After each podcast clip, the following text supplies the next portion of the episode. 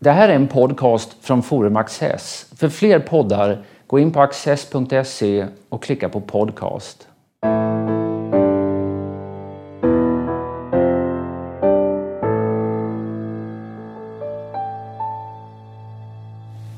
Hjärtligt välkomna till vårens första Studio Access. Ämnet idag är högaktuellt och evigt eh, på en och samma gång, nämligen nationalism. Och eh, som gäst för att diskutera detta ämne har jag professor Lars Trädgård, eh, professor i historia vid Ersta Sköndal högskola. Varmt välkommen. Tack så mycket. Um, om jag förstår dig rätt så har nationalism varit en, ja, i, i historien, eh, åtminstone inledningsvis, en sorts befriande kraft. Det, stämmer det med din Ja, man kan ju säga som här att, att, eh, nationalismen först dyker upp som en kraft, som en politisk idé med väldigt stor potens. Så är det under 1700-talet, slutet av 1700-talet. Det är liksom en del av upplysningen, en del att försöka röra sig bort från ett gammalt klansamhälle, ett feodalt samhälle eh, där individen så att säga, inte hade den ställning som vi till viss del tar som självklart idag. Så nationalismen var väldigt nära eh, förbunden med både den franska och den amerikanska revolutionen och del av ett, ett frihetsprojekt kopplat till demokrati och en mycket mer modern syn både på politik och ekonomi. Vi kanske ska dröja lite vid själva begreppet här, för det är klart att när man läser i tidningarna idag att nationalistpartier går framåt, då är inte det eh, ägnat att väcka tanken att det, här, att det går bra för de liberala krafterna här i världen, utan det har kommit att få ganska ja, mörka associationer kan man väl säga eh, ofta. Vad finns det för olika nationalismer? Ja, du är inne på precis det som har hänt, eh, och vilket är att nationalismen idag framförallt uppfattas, tror jag, väldigt många just som kopplat till en etnisk föreställning om nationen. Alltså någonting som har med, med ras och kanske med etnicitet och kultur att göra framför allt. Eh, och detta är en del av nationalismens historia, utan tvekan. Eh, om man ser på 1900-talet, eller egentligen tillbaka på 1800-talet redan, så ser vi att redan på mitten av 1800-talet så sker det en slags uppdelning av, av nationalismen som en politisk kraft eh, ena sidan fortsatt kopplad till demokrati och till en modern stat och den andra eh, så ser vi hur de här idéerna som kopplar upp nationen mot, mot rasen, mot det, det etniska, eh, växer fram. Eh, så vi har en splittring, så det finns en spänning i nationalismens historia, helt klart, som gör att de som idag förhåller sig kritiska till nationalismen inte på något som helst sätt är fel ute. Min poäng är snarare den att man ska inte kasta ut barnet med badvattnet. Man måste också inse att alla våra idéer om demokrati, för att inte tala om välfärd välfärdsstaten, bygger på någon föreställning om nationell gemenskap. Eh, och det är det som egentligen är det viktiga idag, att påminna oss om komplexiteten i det här begreppet. George Orwell skriver i någon av sina essäer, det är en väldigt kritisk essä om nationalismen, men, eh, och där eh, gör han en väldigt eh, ja, någon sorts pers personlig definition att allt dåligt är nationalism skulle man kunna eh, eh, säga nästan. Alltså ideologisk fixering antingen vid nationen eller vid eh, klassen eller vad det nu vid ett kollektiv av något slag.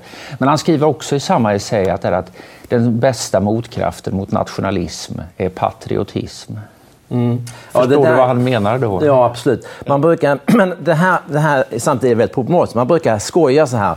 Man brukar säga det att eh, eh jag är patriot och du är nationalist. När man har den här typen av argumentation. Det vill säga det finns en slags idé om en uppdelning mellan den goda patriotismen och den dåliga nationalismen. Eh, och det där är i sin tur kopplat tillbaka lite grann till det här som vi sa tidigare också, att det finns en idé om en medborgerlig nationalism som man då gärna kopplar till just till patriotismen. Man ställer upp för sitt land, man kan offra sig själv, men man liksom hänger sig inte åt rasistiska ideologier. Mm. Så, så det, vi är tillbaka till den här spänningen. Va? Vi måste kunna hålla båda de här bollarna eh, i, luften. Eh, och det, men det, som, det viktiga tror jag att är idag så har vi en debatt eh, inte minst här i Sverige som har varit väldigt dominerad just av den ena tankegången.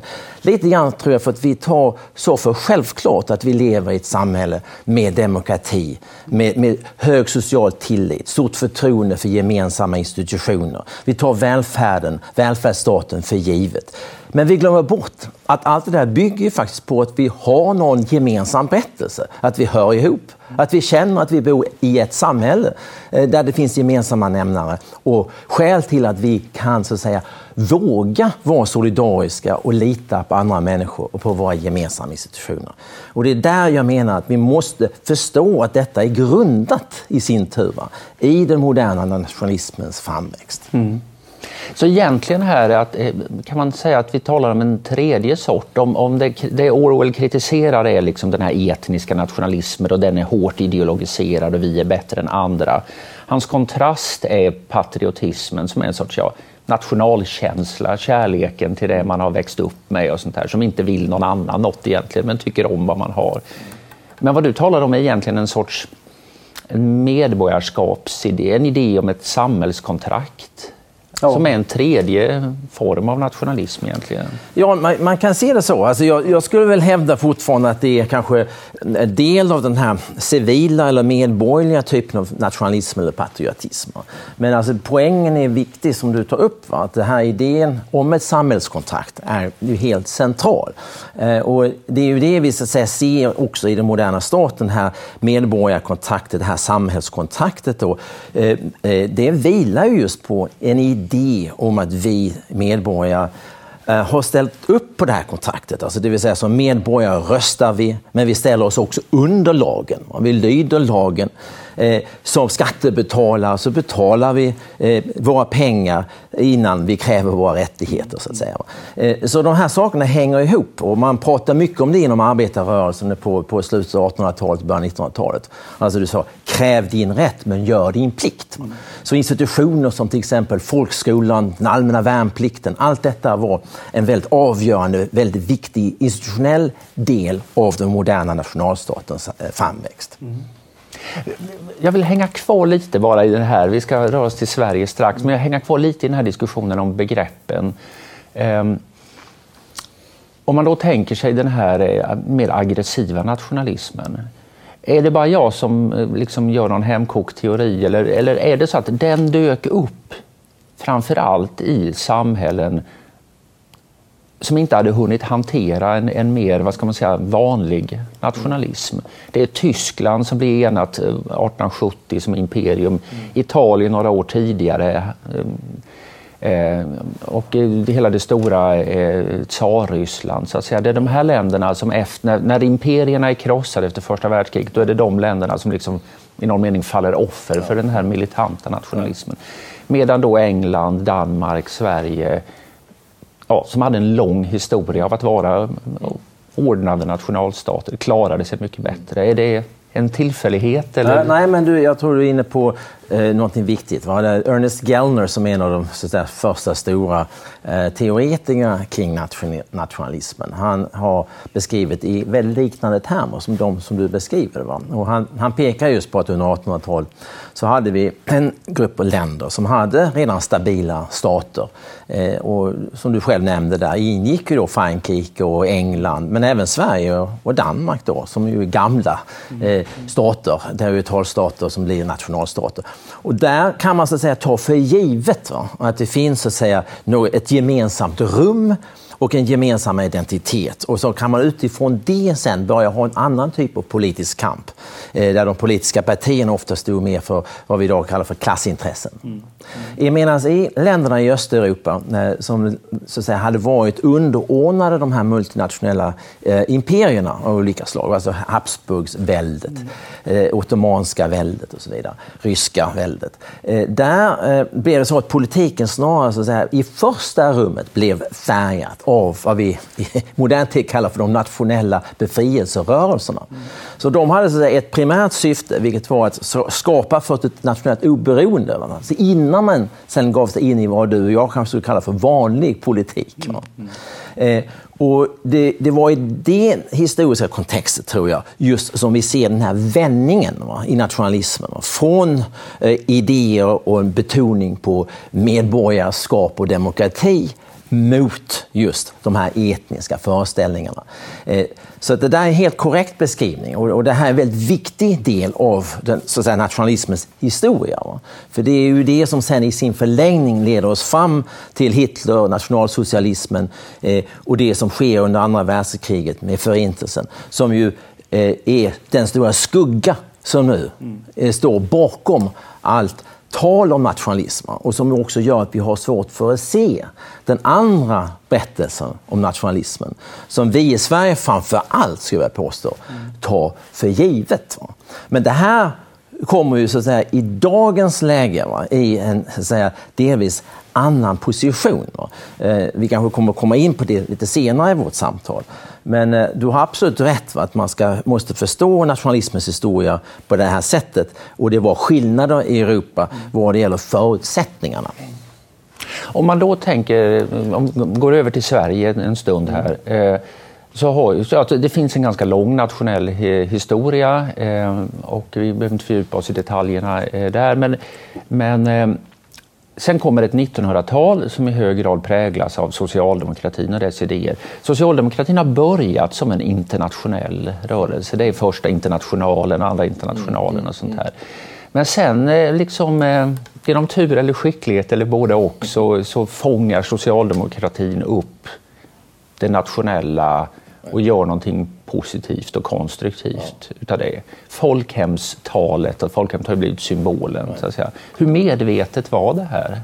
Ja, alltså jag, jag tror du har rätt i att det, det var en blandning mellan tur och skicklighet. Mm. Uh, vad det gäller turen va, så var det ju så att uh, om man jämför, jag skrev ju själv min avhandling folkbegreppet i, i tysk och svensk politisk historia.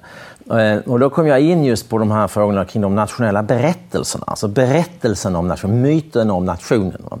Eh, som är någonting som inte man så att säga, kan uppfinna över, över en helg bara för att man tycker att det vore en bra idé. Utan man måste så att säga, orientera sig i relation till de berättelser som faktiskt finns eh, i vår litteratur, bland våra historiker och så vidare. Och skillnaden är att i, i Sverige så var det så att den, vad jag brukar kalla för den Geijerska berättelsen, alltså den som den, den store svenska historikern Erik Gustaf Geijer skrev fram, den handlar väldigt mycket just om eh, småfolkets allians med kungamakten mot adeln. Betoningen på de här medborgerliga friheterna, alltså böndernas frihet som ett stånd. Va? Sverige inte hade en feodal historia. Eh, Eh, Eh, och den här betoningen just på frihet och de här protodemokratiska idéerna eh, är någonting som Socialdemokraterna i Sverige upptäcker på 20-talet kan man säga. Även om du kan spåra det ännu längre tillbaks. Redan alltså, kring sekelskiftet så ser vi ibland eh, social, socialdemokratiska eh, aktivister, va? de här idéerna. Eh, och den här liksom, patriotismen då, för att använda det ord som du använde tidigare, blir någonting som mer och mer börjar växa fram. Eh, för svensk socialdemokrati var ju precis som Socialdemokraterna i allmänhet väldigt påverkade av de tyska Socialdemokraterna. Och Marx inte minst, va, som ju såg nationen och nationalstaten som dömd va, till att hamna i historiens eh, papperskorg. Eh, och där ser du väldigt tydligt eh, att internationalen, den röda flaggan, är alltså den ultimata utmaningen mot idén om nationen och nationalstaten. Eh, och det här var ju ett väldigt tungt arv. De svenska socialdemokraterna de var ju liksom väldigt underordnade de tunga eh, socialdemokraterna i Tyskland som var de stora tänkarna. Mm. Och, så det dröjer eh, fram till 20-talet i princip när eh, svenska socialdemokrater börjar upptäcka de så kallade austromarxisterna, alltså de marxisterna som fanns i Österrike eh, Eh, som hade en, en, annan förståelse av nationens betydelse, som ju givetvis kom ur deras egen erfarenhet. Eh, så att de svenska socialdemokraterna de gör två upptäckter på 20-talet. Den ena är då att nationen faktiskt är viktig. Va? Vi kan inte bara bortsortera denna. Va?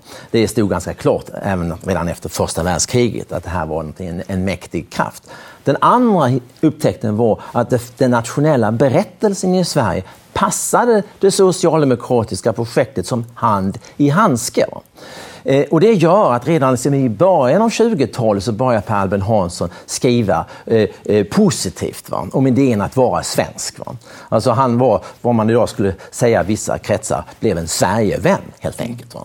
Eh, och det här sker tidigt. Så 1928, när han håller de här, det här talet som är berömt, så hade han redan tänkt igenom väldigt många av de här idéerna. Och man rör sig då i Sverige från klassbegreppet, klasskampsbegreppet som visar sig vara väldigt improduktivt i Sverige. Sverige är ett land av, av fria bönder som älskar sina egendomar. Så klassisk socialism, nationalisering, så hade liksom inga förutsättningar i Sverige. Men däremot hade idén om ett folkhem, om solidaritet som var byggt på idéer om individuell frihet och rätt till ägande och så vidare. Det hade goda förutsättningar. Eh, men det viktiga är, som, som, eh, som jag ofta betonar, för man glömmer bort detta, att redan då pratade Per Albin om folkhemmet, komma medborgarhemmet. Mm. Så det var så där medborgartanken som fanns centralt där. Och eh, redan i början av 20-talet så skrev eh, eh, eh, eh Verner Rydén, socialdemokrat, fram en bok som hette eh, Medborgarkunskap som, var, som ersatte katekesen i Sverige. Mm. Och vad vi ser här är alltså en idé om Sverige som ett medborgarsamhälle ersätter så att säga, idén om Sverige som ett lutherskt samhälle. Mm. Så medborgarskapstanken blir väldigt, väldigt central här. Eh, men den är kopplad till en idé om, om folkhemmet kring nationen. Men det är så att säga en idé då, som bygger på en bettelse, vad Socialdemokraterna kallar för det svenska folkets väg, en slags motsvarighet till the American way. Mm. Mm. Som så att säga, byggde just på en positiv idé om statens roll som skulle kunna göra, försäkra att medborgarna, alla medborgarna helst hade vissa förutsättningar. Men detta var inom ramen dock va, för en idé om nationell gemenskap. En sak som bara slår mig nu, som kan, sån man ska akta sig för sådana här infall, men ändå det är ju att 28 då håller han det här berömda talet. Mm. 28 är också kosackvalet. När socialdemokratin är i valsamarbete med kommunisterna för, för sista gången kan säga, och, och, och går väldigt dåligt i det valet. Hänger de där båda sakerna ihop med varandra? Absolut. I min mening gör de det. Va? Alltså jag har ju själv tittat. Va? Jag eh, följde när jag skrev min avhandling så satt jag faktiskt och räknade alla olika valmanifest som skrevs fram från 1900, alltså demokratins början i Sverige kan man säga, fram till just 30-talet. Och så satt jag och räknade eh, hur mycket man använder orden folk kontra klass. Mm. Och vad du ser är ett, en skifte. Va? Om du ser på socialdemokratin, va? från klasspråket till folkspråket. Det sker inte så att säga, eh, en omkastning omedelbart, speciellt 1928. Va? Men 1928 så började det bli väldigt tydligt va? att man så att säga, rör sig bort ifrån klasskampsspråk. Och det som är avgörande är just kosackvalet, för det är ju sista gången, om vi inte ska ta med en diskussion om löntagarfonderna möjligtvis, va? där Socialdemokraterna i Sverige faktiskt försöker sig på att driva ett klassiskt socialistiskt projekt mm. eh, med nationalisering finansiering av företag och banker och sådant i, i, i förgrunden. Så på en och samma gång så liksom det, det, gamla budskapet kör huvudet i väggen och man hittar språket ja. för ett nytt och annorlunda budskap. Ja. Vad händer med det nationella efter 28 och Per Albin? Om du drar fram trenderna. Ja, alltså det, är, det är ju jätteintressant att se. Va? För att vi, vi ser här hur, hur under ett antal år från 20-talet, man kan säga 20 och 30-talen egentligen, va? som ju var oerhört viktiga år eh, för socialdemokratin att kunna så att säga, eh, göra anspråk på den här idén om nationen och den nationella berättelsen i Sverige. För det betyder att man då i det läget också kunde så att säga, ta den här idén från eh, högern. Mm. Det fanns ju en kamp om flaggan. Det fanns en kamp om den här berättelsen. Och, och det, det, kan man visa genom att titta inte minst på olika valaffischer. Mm. Där alltså både vänstern och högern använder den röda och den svenska flaggan i den här kampen om vem är det som definierar vår Sverige Och Det brukar påpekas att det var konservativa tänkare som hittade på själva ordet folkhemmet. Ja, så var det. Eh, och det, alltså jag skrev ju själv min avhandling om, om så att säga, kopplingen mellan Volksgemeinschaft i Tyskland och folkhemmet i Sverige. Va? Och det är ju en bestickande tankefigur. Va? Eh, och närheten mellan ett konservativt och ibland då etniskt budskap å ena sidan och ett, så ett som är kopplat mer till en vänsterideologi med medborgarskap i centrum. Och när jag säger vänster inkluderar jag väldigt stora delar av de liberala eh, eh, politikerna i Sverige. För det var inte bara Socialdemokraterna utan det var ju liberaler också va, som, som eh, eh, upp sig mot detta. Eh, men, men alltså, 30-talet blev ju väldigt intressant för, för att man lyckas då i Sverige, även i Norge och Danmark för den delen, eh, att undvika eh, framväxten av stora nazistiska, högerextremistiska partier som använder nationalismen eh, som sitt huvudbudskap. Något som var så att säga standard i resten av Europa. Vi ska inte glömma bort att det var under, under depressionens tid. Mm. Så det fanns ju en oerhörd ekonomisk kris som jag tror vi har väldigt svårt att förstå idag i Sverige, även om vi även idag uppfattar det som att vi lever i någonting av en kris. Va? Men det var ju ingenting jämfört med vad som hände i det läget. Eh, men sen det intressanta är eh, att efter kriget, efter andra världskriget, så ser vi ju att det sker ytterligare då en slags vändning va? vad det gäller hur socialdemokratin ser på eh, sig själv som ett parti och som Sverige eh, som ett projekt. Mm. Och vi ser den här vändningen mot modernitet som, som har sina rötter även tidigare Stockholmsutställningen till som ett gott exempel på detta. Men där man då eh, mot bakgrund av detta som har hänt under andra världskriget. Och mot bakgrund även av så den svenska så här, neutraliteten under andra världskriget eh, så börjar man vända sig också mot det internationella. Eh, FN, de mänskliga rättigheterna, eh, det som vi associerar med, med Hammarskjöld och senare med, med Olof Palme till exempel. Mm. Och, så vi ser en framväxt parallellt va, med att man fortsatt betonar välfärdsstatsprojektet, det starka samhället, så ser vi också en framväxt av en internationalism. Även det nationella självbestämmandet kan man ju säga att det är eh, den här oviljan att gå med i organisationer där man gör konkreta åtaganden. Om du tar Nato eller eh, den europeiska gemenskapen och sånt här. Absolut. Så det fanns liksom, ja, mitt i internationalismen finns också ett nationellt ja. stråk. Det här är jätteviktigt, va? det du säger. För att det är inte så att du, vi ser liksom en tvärkast här från nationalism till internationalism. Utan om du läser eh, Hammarskjöld, om du läser speciellt Olof Palme noga, så ser man en stark betoning på de små staternas rätt till självbestämmande. Mm. Så det gäller inte bara Sverige, men det gäller ju även Sverige. Så motståndet mot EU är precis som du säger ett uttryck va, för att man fortsatt tror just på nationalstaten, demokratin. Va. Man uppfattar väldigt gärna det tidiga EU-projektet som ett hot mot den nationella demokratin och välfärden. Men, men sen händer då någonting eh, som har att göra med att att man tappar eh, eh, förmåga eller vilja att, att ehm, hålla den här nationella dimensionen levande. Eh, och du, du talar om en, en ehm, om eh, folkhemmet så som det kommer utformas i Sverige var ett medborgarskapsprojekt och man hade sina rättigheter i kraft av att man var medborgare, del av det här tänkta samhällskontraktet så har det utmanats av idéer som har med ja, mänskliga rättigheter att göra. Man har idéer för att man är människa, inte för att man är svensk. Ja. Hur ser den konflikten ut? Ja, alltså, innan vi kommer till konflikten så är det viktigt att betona de historiska kopplingarna mellan de här idealen. För att ja, men vi går tillbaka till, till eh, den franska-amerikanska Ehm, Ehm, revolutionen så ser vi att redan från första början så ser vi en betoning på att alla människor har lika värde. Eh, vi ser det liksom väldigt tydligt va, i båda de här deklarationerna som, som eh, associerar med de här två revolutionerna.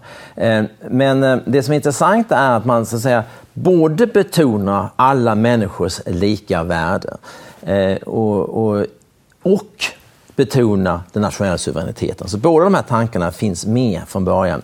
Eh, men eh, de så att säga, står bara i, i det här läget i en slags potentiell spänningsrelation till varandra.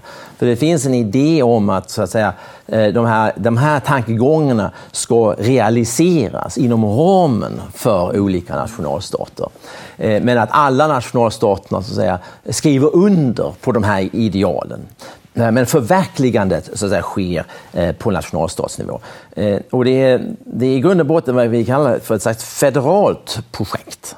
Eh, det vill säga att man, man bygger en världsordning och Förenta Nationerna är ett väldigt gott exempel på detta, men även USA, alltså USAs förenta stater, bygger egentligen på liknande idéer. Va? Det vill säga att man bygger samhället byggt på, på eh, lagbunden ordning och demokrati, medborgerliga rättigheter, alltså civila rättigheter. Man bygger den här ordningen nerifrån och upp. Så den här suveräniteten som finns på nationell eller delstatsnivå i USA förblir oerhört viktig. Va? Eh, och man måste bygga upp det via en folklig legitimitet. Alltså, det måste finnas ett demokratiskt stöd för den här typen av idéer för att de verkligen ska fungera. Men sen utmanas då den pragmatiska inställningen till detta eh, av idéer. Dels liksom eh, ja, grovt sett till vänster om att eh, ja, alla har rätt. Vi har inte rätt att stänga ute någon. Eh, och att eh, bara för att vi är svenskar så ska inte vi ha någon monopol på det, det välstånd och välfärd Nej. som finns i Sverige. Å ena sidan. Å andra sidan också en, en väldigt liberal kritik då som är skeptisk mot det nationella och vill minska det, ja. det statliga så mycket det någonsin går. Så det uppstår en, en, ja, en, en, en pakt eller en, en intressegemenskap som ifrågasätter Absolut. det nationella. Och alltså som det... kommit att färga mycket till exempel av svensk debatt om, om migration. Ja. Så är det. Ja. det är, precis som du är inne på så är det ju, man kan säga att du har ju om vi, om vi delar upp det lite grann politiskt så har vi ju så att säga, en, en lång kritik va, från eh, en mer liberal höger eller en libertariansk höger som ju inte bara är alltså, inte bara kritisk mot nationen, men mot staten också. Mm. Och det, det, det är viktigt att komma ihåg att vi pratar ju om nationalstater, så att det är staten är minst lika viktig här som nationen. Va? Eh, så du har den typen av kritik. Från vänster vad som händer, i min mening, då, det här är min egen så att säga, tolkning av det hela, är att någonstans efter 1989 eh, så faller socialismen eh, som ett, ett mäktigt ideal för, för många unga aktivister som har vänstersympatier. Eh, eh, och, och, det är inte konstigt med tanke på vad som har hänt i Östeuropa och, och Kina och Kuba och dessa länder. Och fram växer då så att säga, mänskliga rättigheter som en, den nya, den moderna tidens nya sekulära religion. Alltså en väldigt mäktig idé som bygger på den här eh, så att säga, kompromisslösa universalismen. Att alla människor ska inkluderas. Och man börjar så att mer och mer associera nationalstaten just med den här negativa nationalismen. Alltså nationalismen exkluderar på olika sätt. Mm. Och det här blir en, en tankefigur eh, som sen i sin tur kopplas till vad jag brukar kalla för politikens juridifiering. Mm. Alltså vi ser framväxt av olika konventioner eh, och fördrag eh, som eh, inspirerar väldigt mycket av den amerikanska politiska kulturen som är väldigt juridifierad jämfört med den svenska till exempel.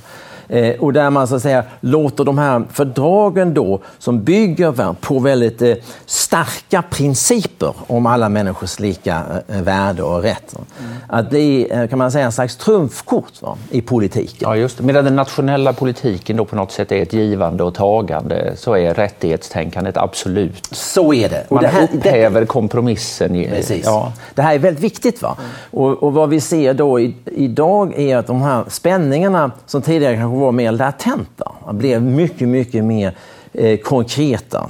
Eh, för att om vi tar något exempel som barnkonventionen så var ju tanken i barnkonventionen var ju inte framförallt att, att befrämja en stor migration va, av barn och ungdomar från vissa länder till andra länder. Det här var liksom inte grund grundtanken. Utan grundtanken var att ha vissa principer som man kan säga, se som långsiktiga mål om man så vill. Va. Mm. Eh, som alla länder va, skulle förverkliga inom ramen för sina egna stater. Mm.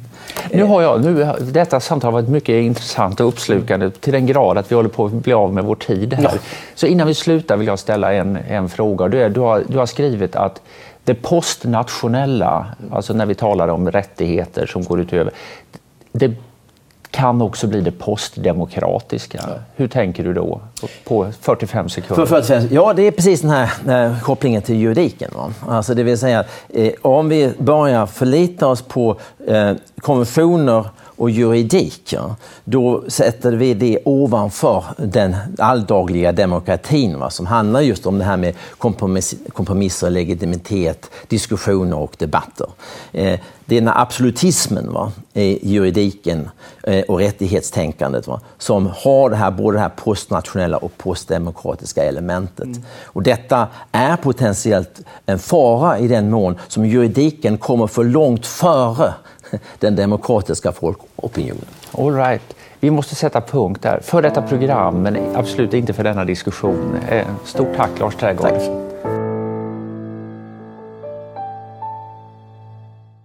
Och här kommer några extra minuter med mig och min gäst. Jo, en, en sak som vi då inte har kommit in på ännu, det är ju så att säga den... Om vi har ett eh, i... Eh, eller säg så här, nationalism i en, i en, mindre angenäm form verkar komma tillbaka på rätt bred front mm. i Europa, men inte bara i Europa. Så att säga. Vad tror du det beror på? Alltså, jag brukar säga så här, va? att om vi vill ha en eh, politik och en form av nationalism som inte urartar i den riktningen så måste partier som representerar demokratiska liberala värderingar upp på banan. Va?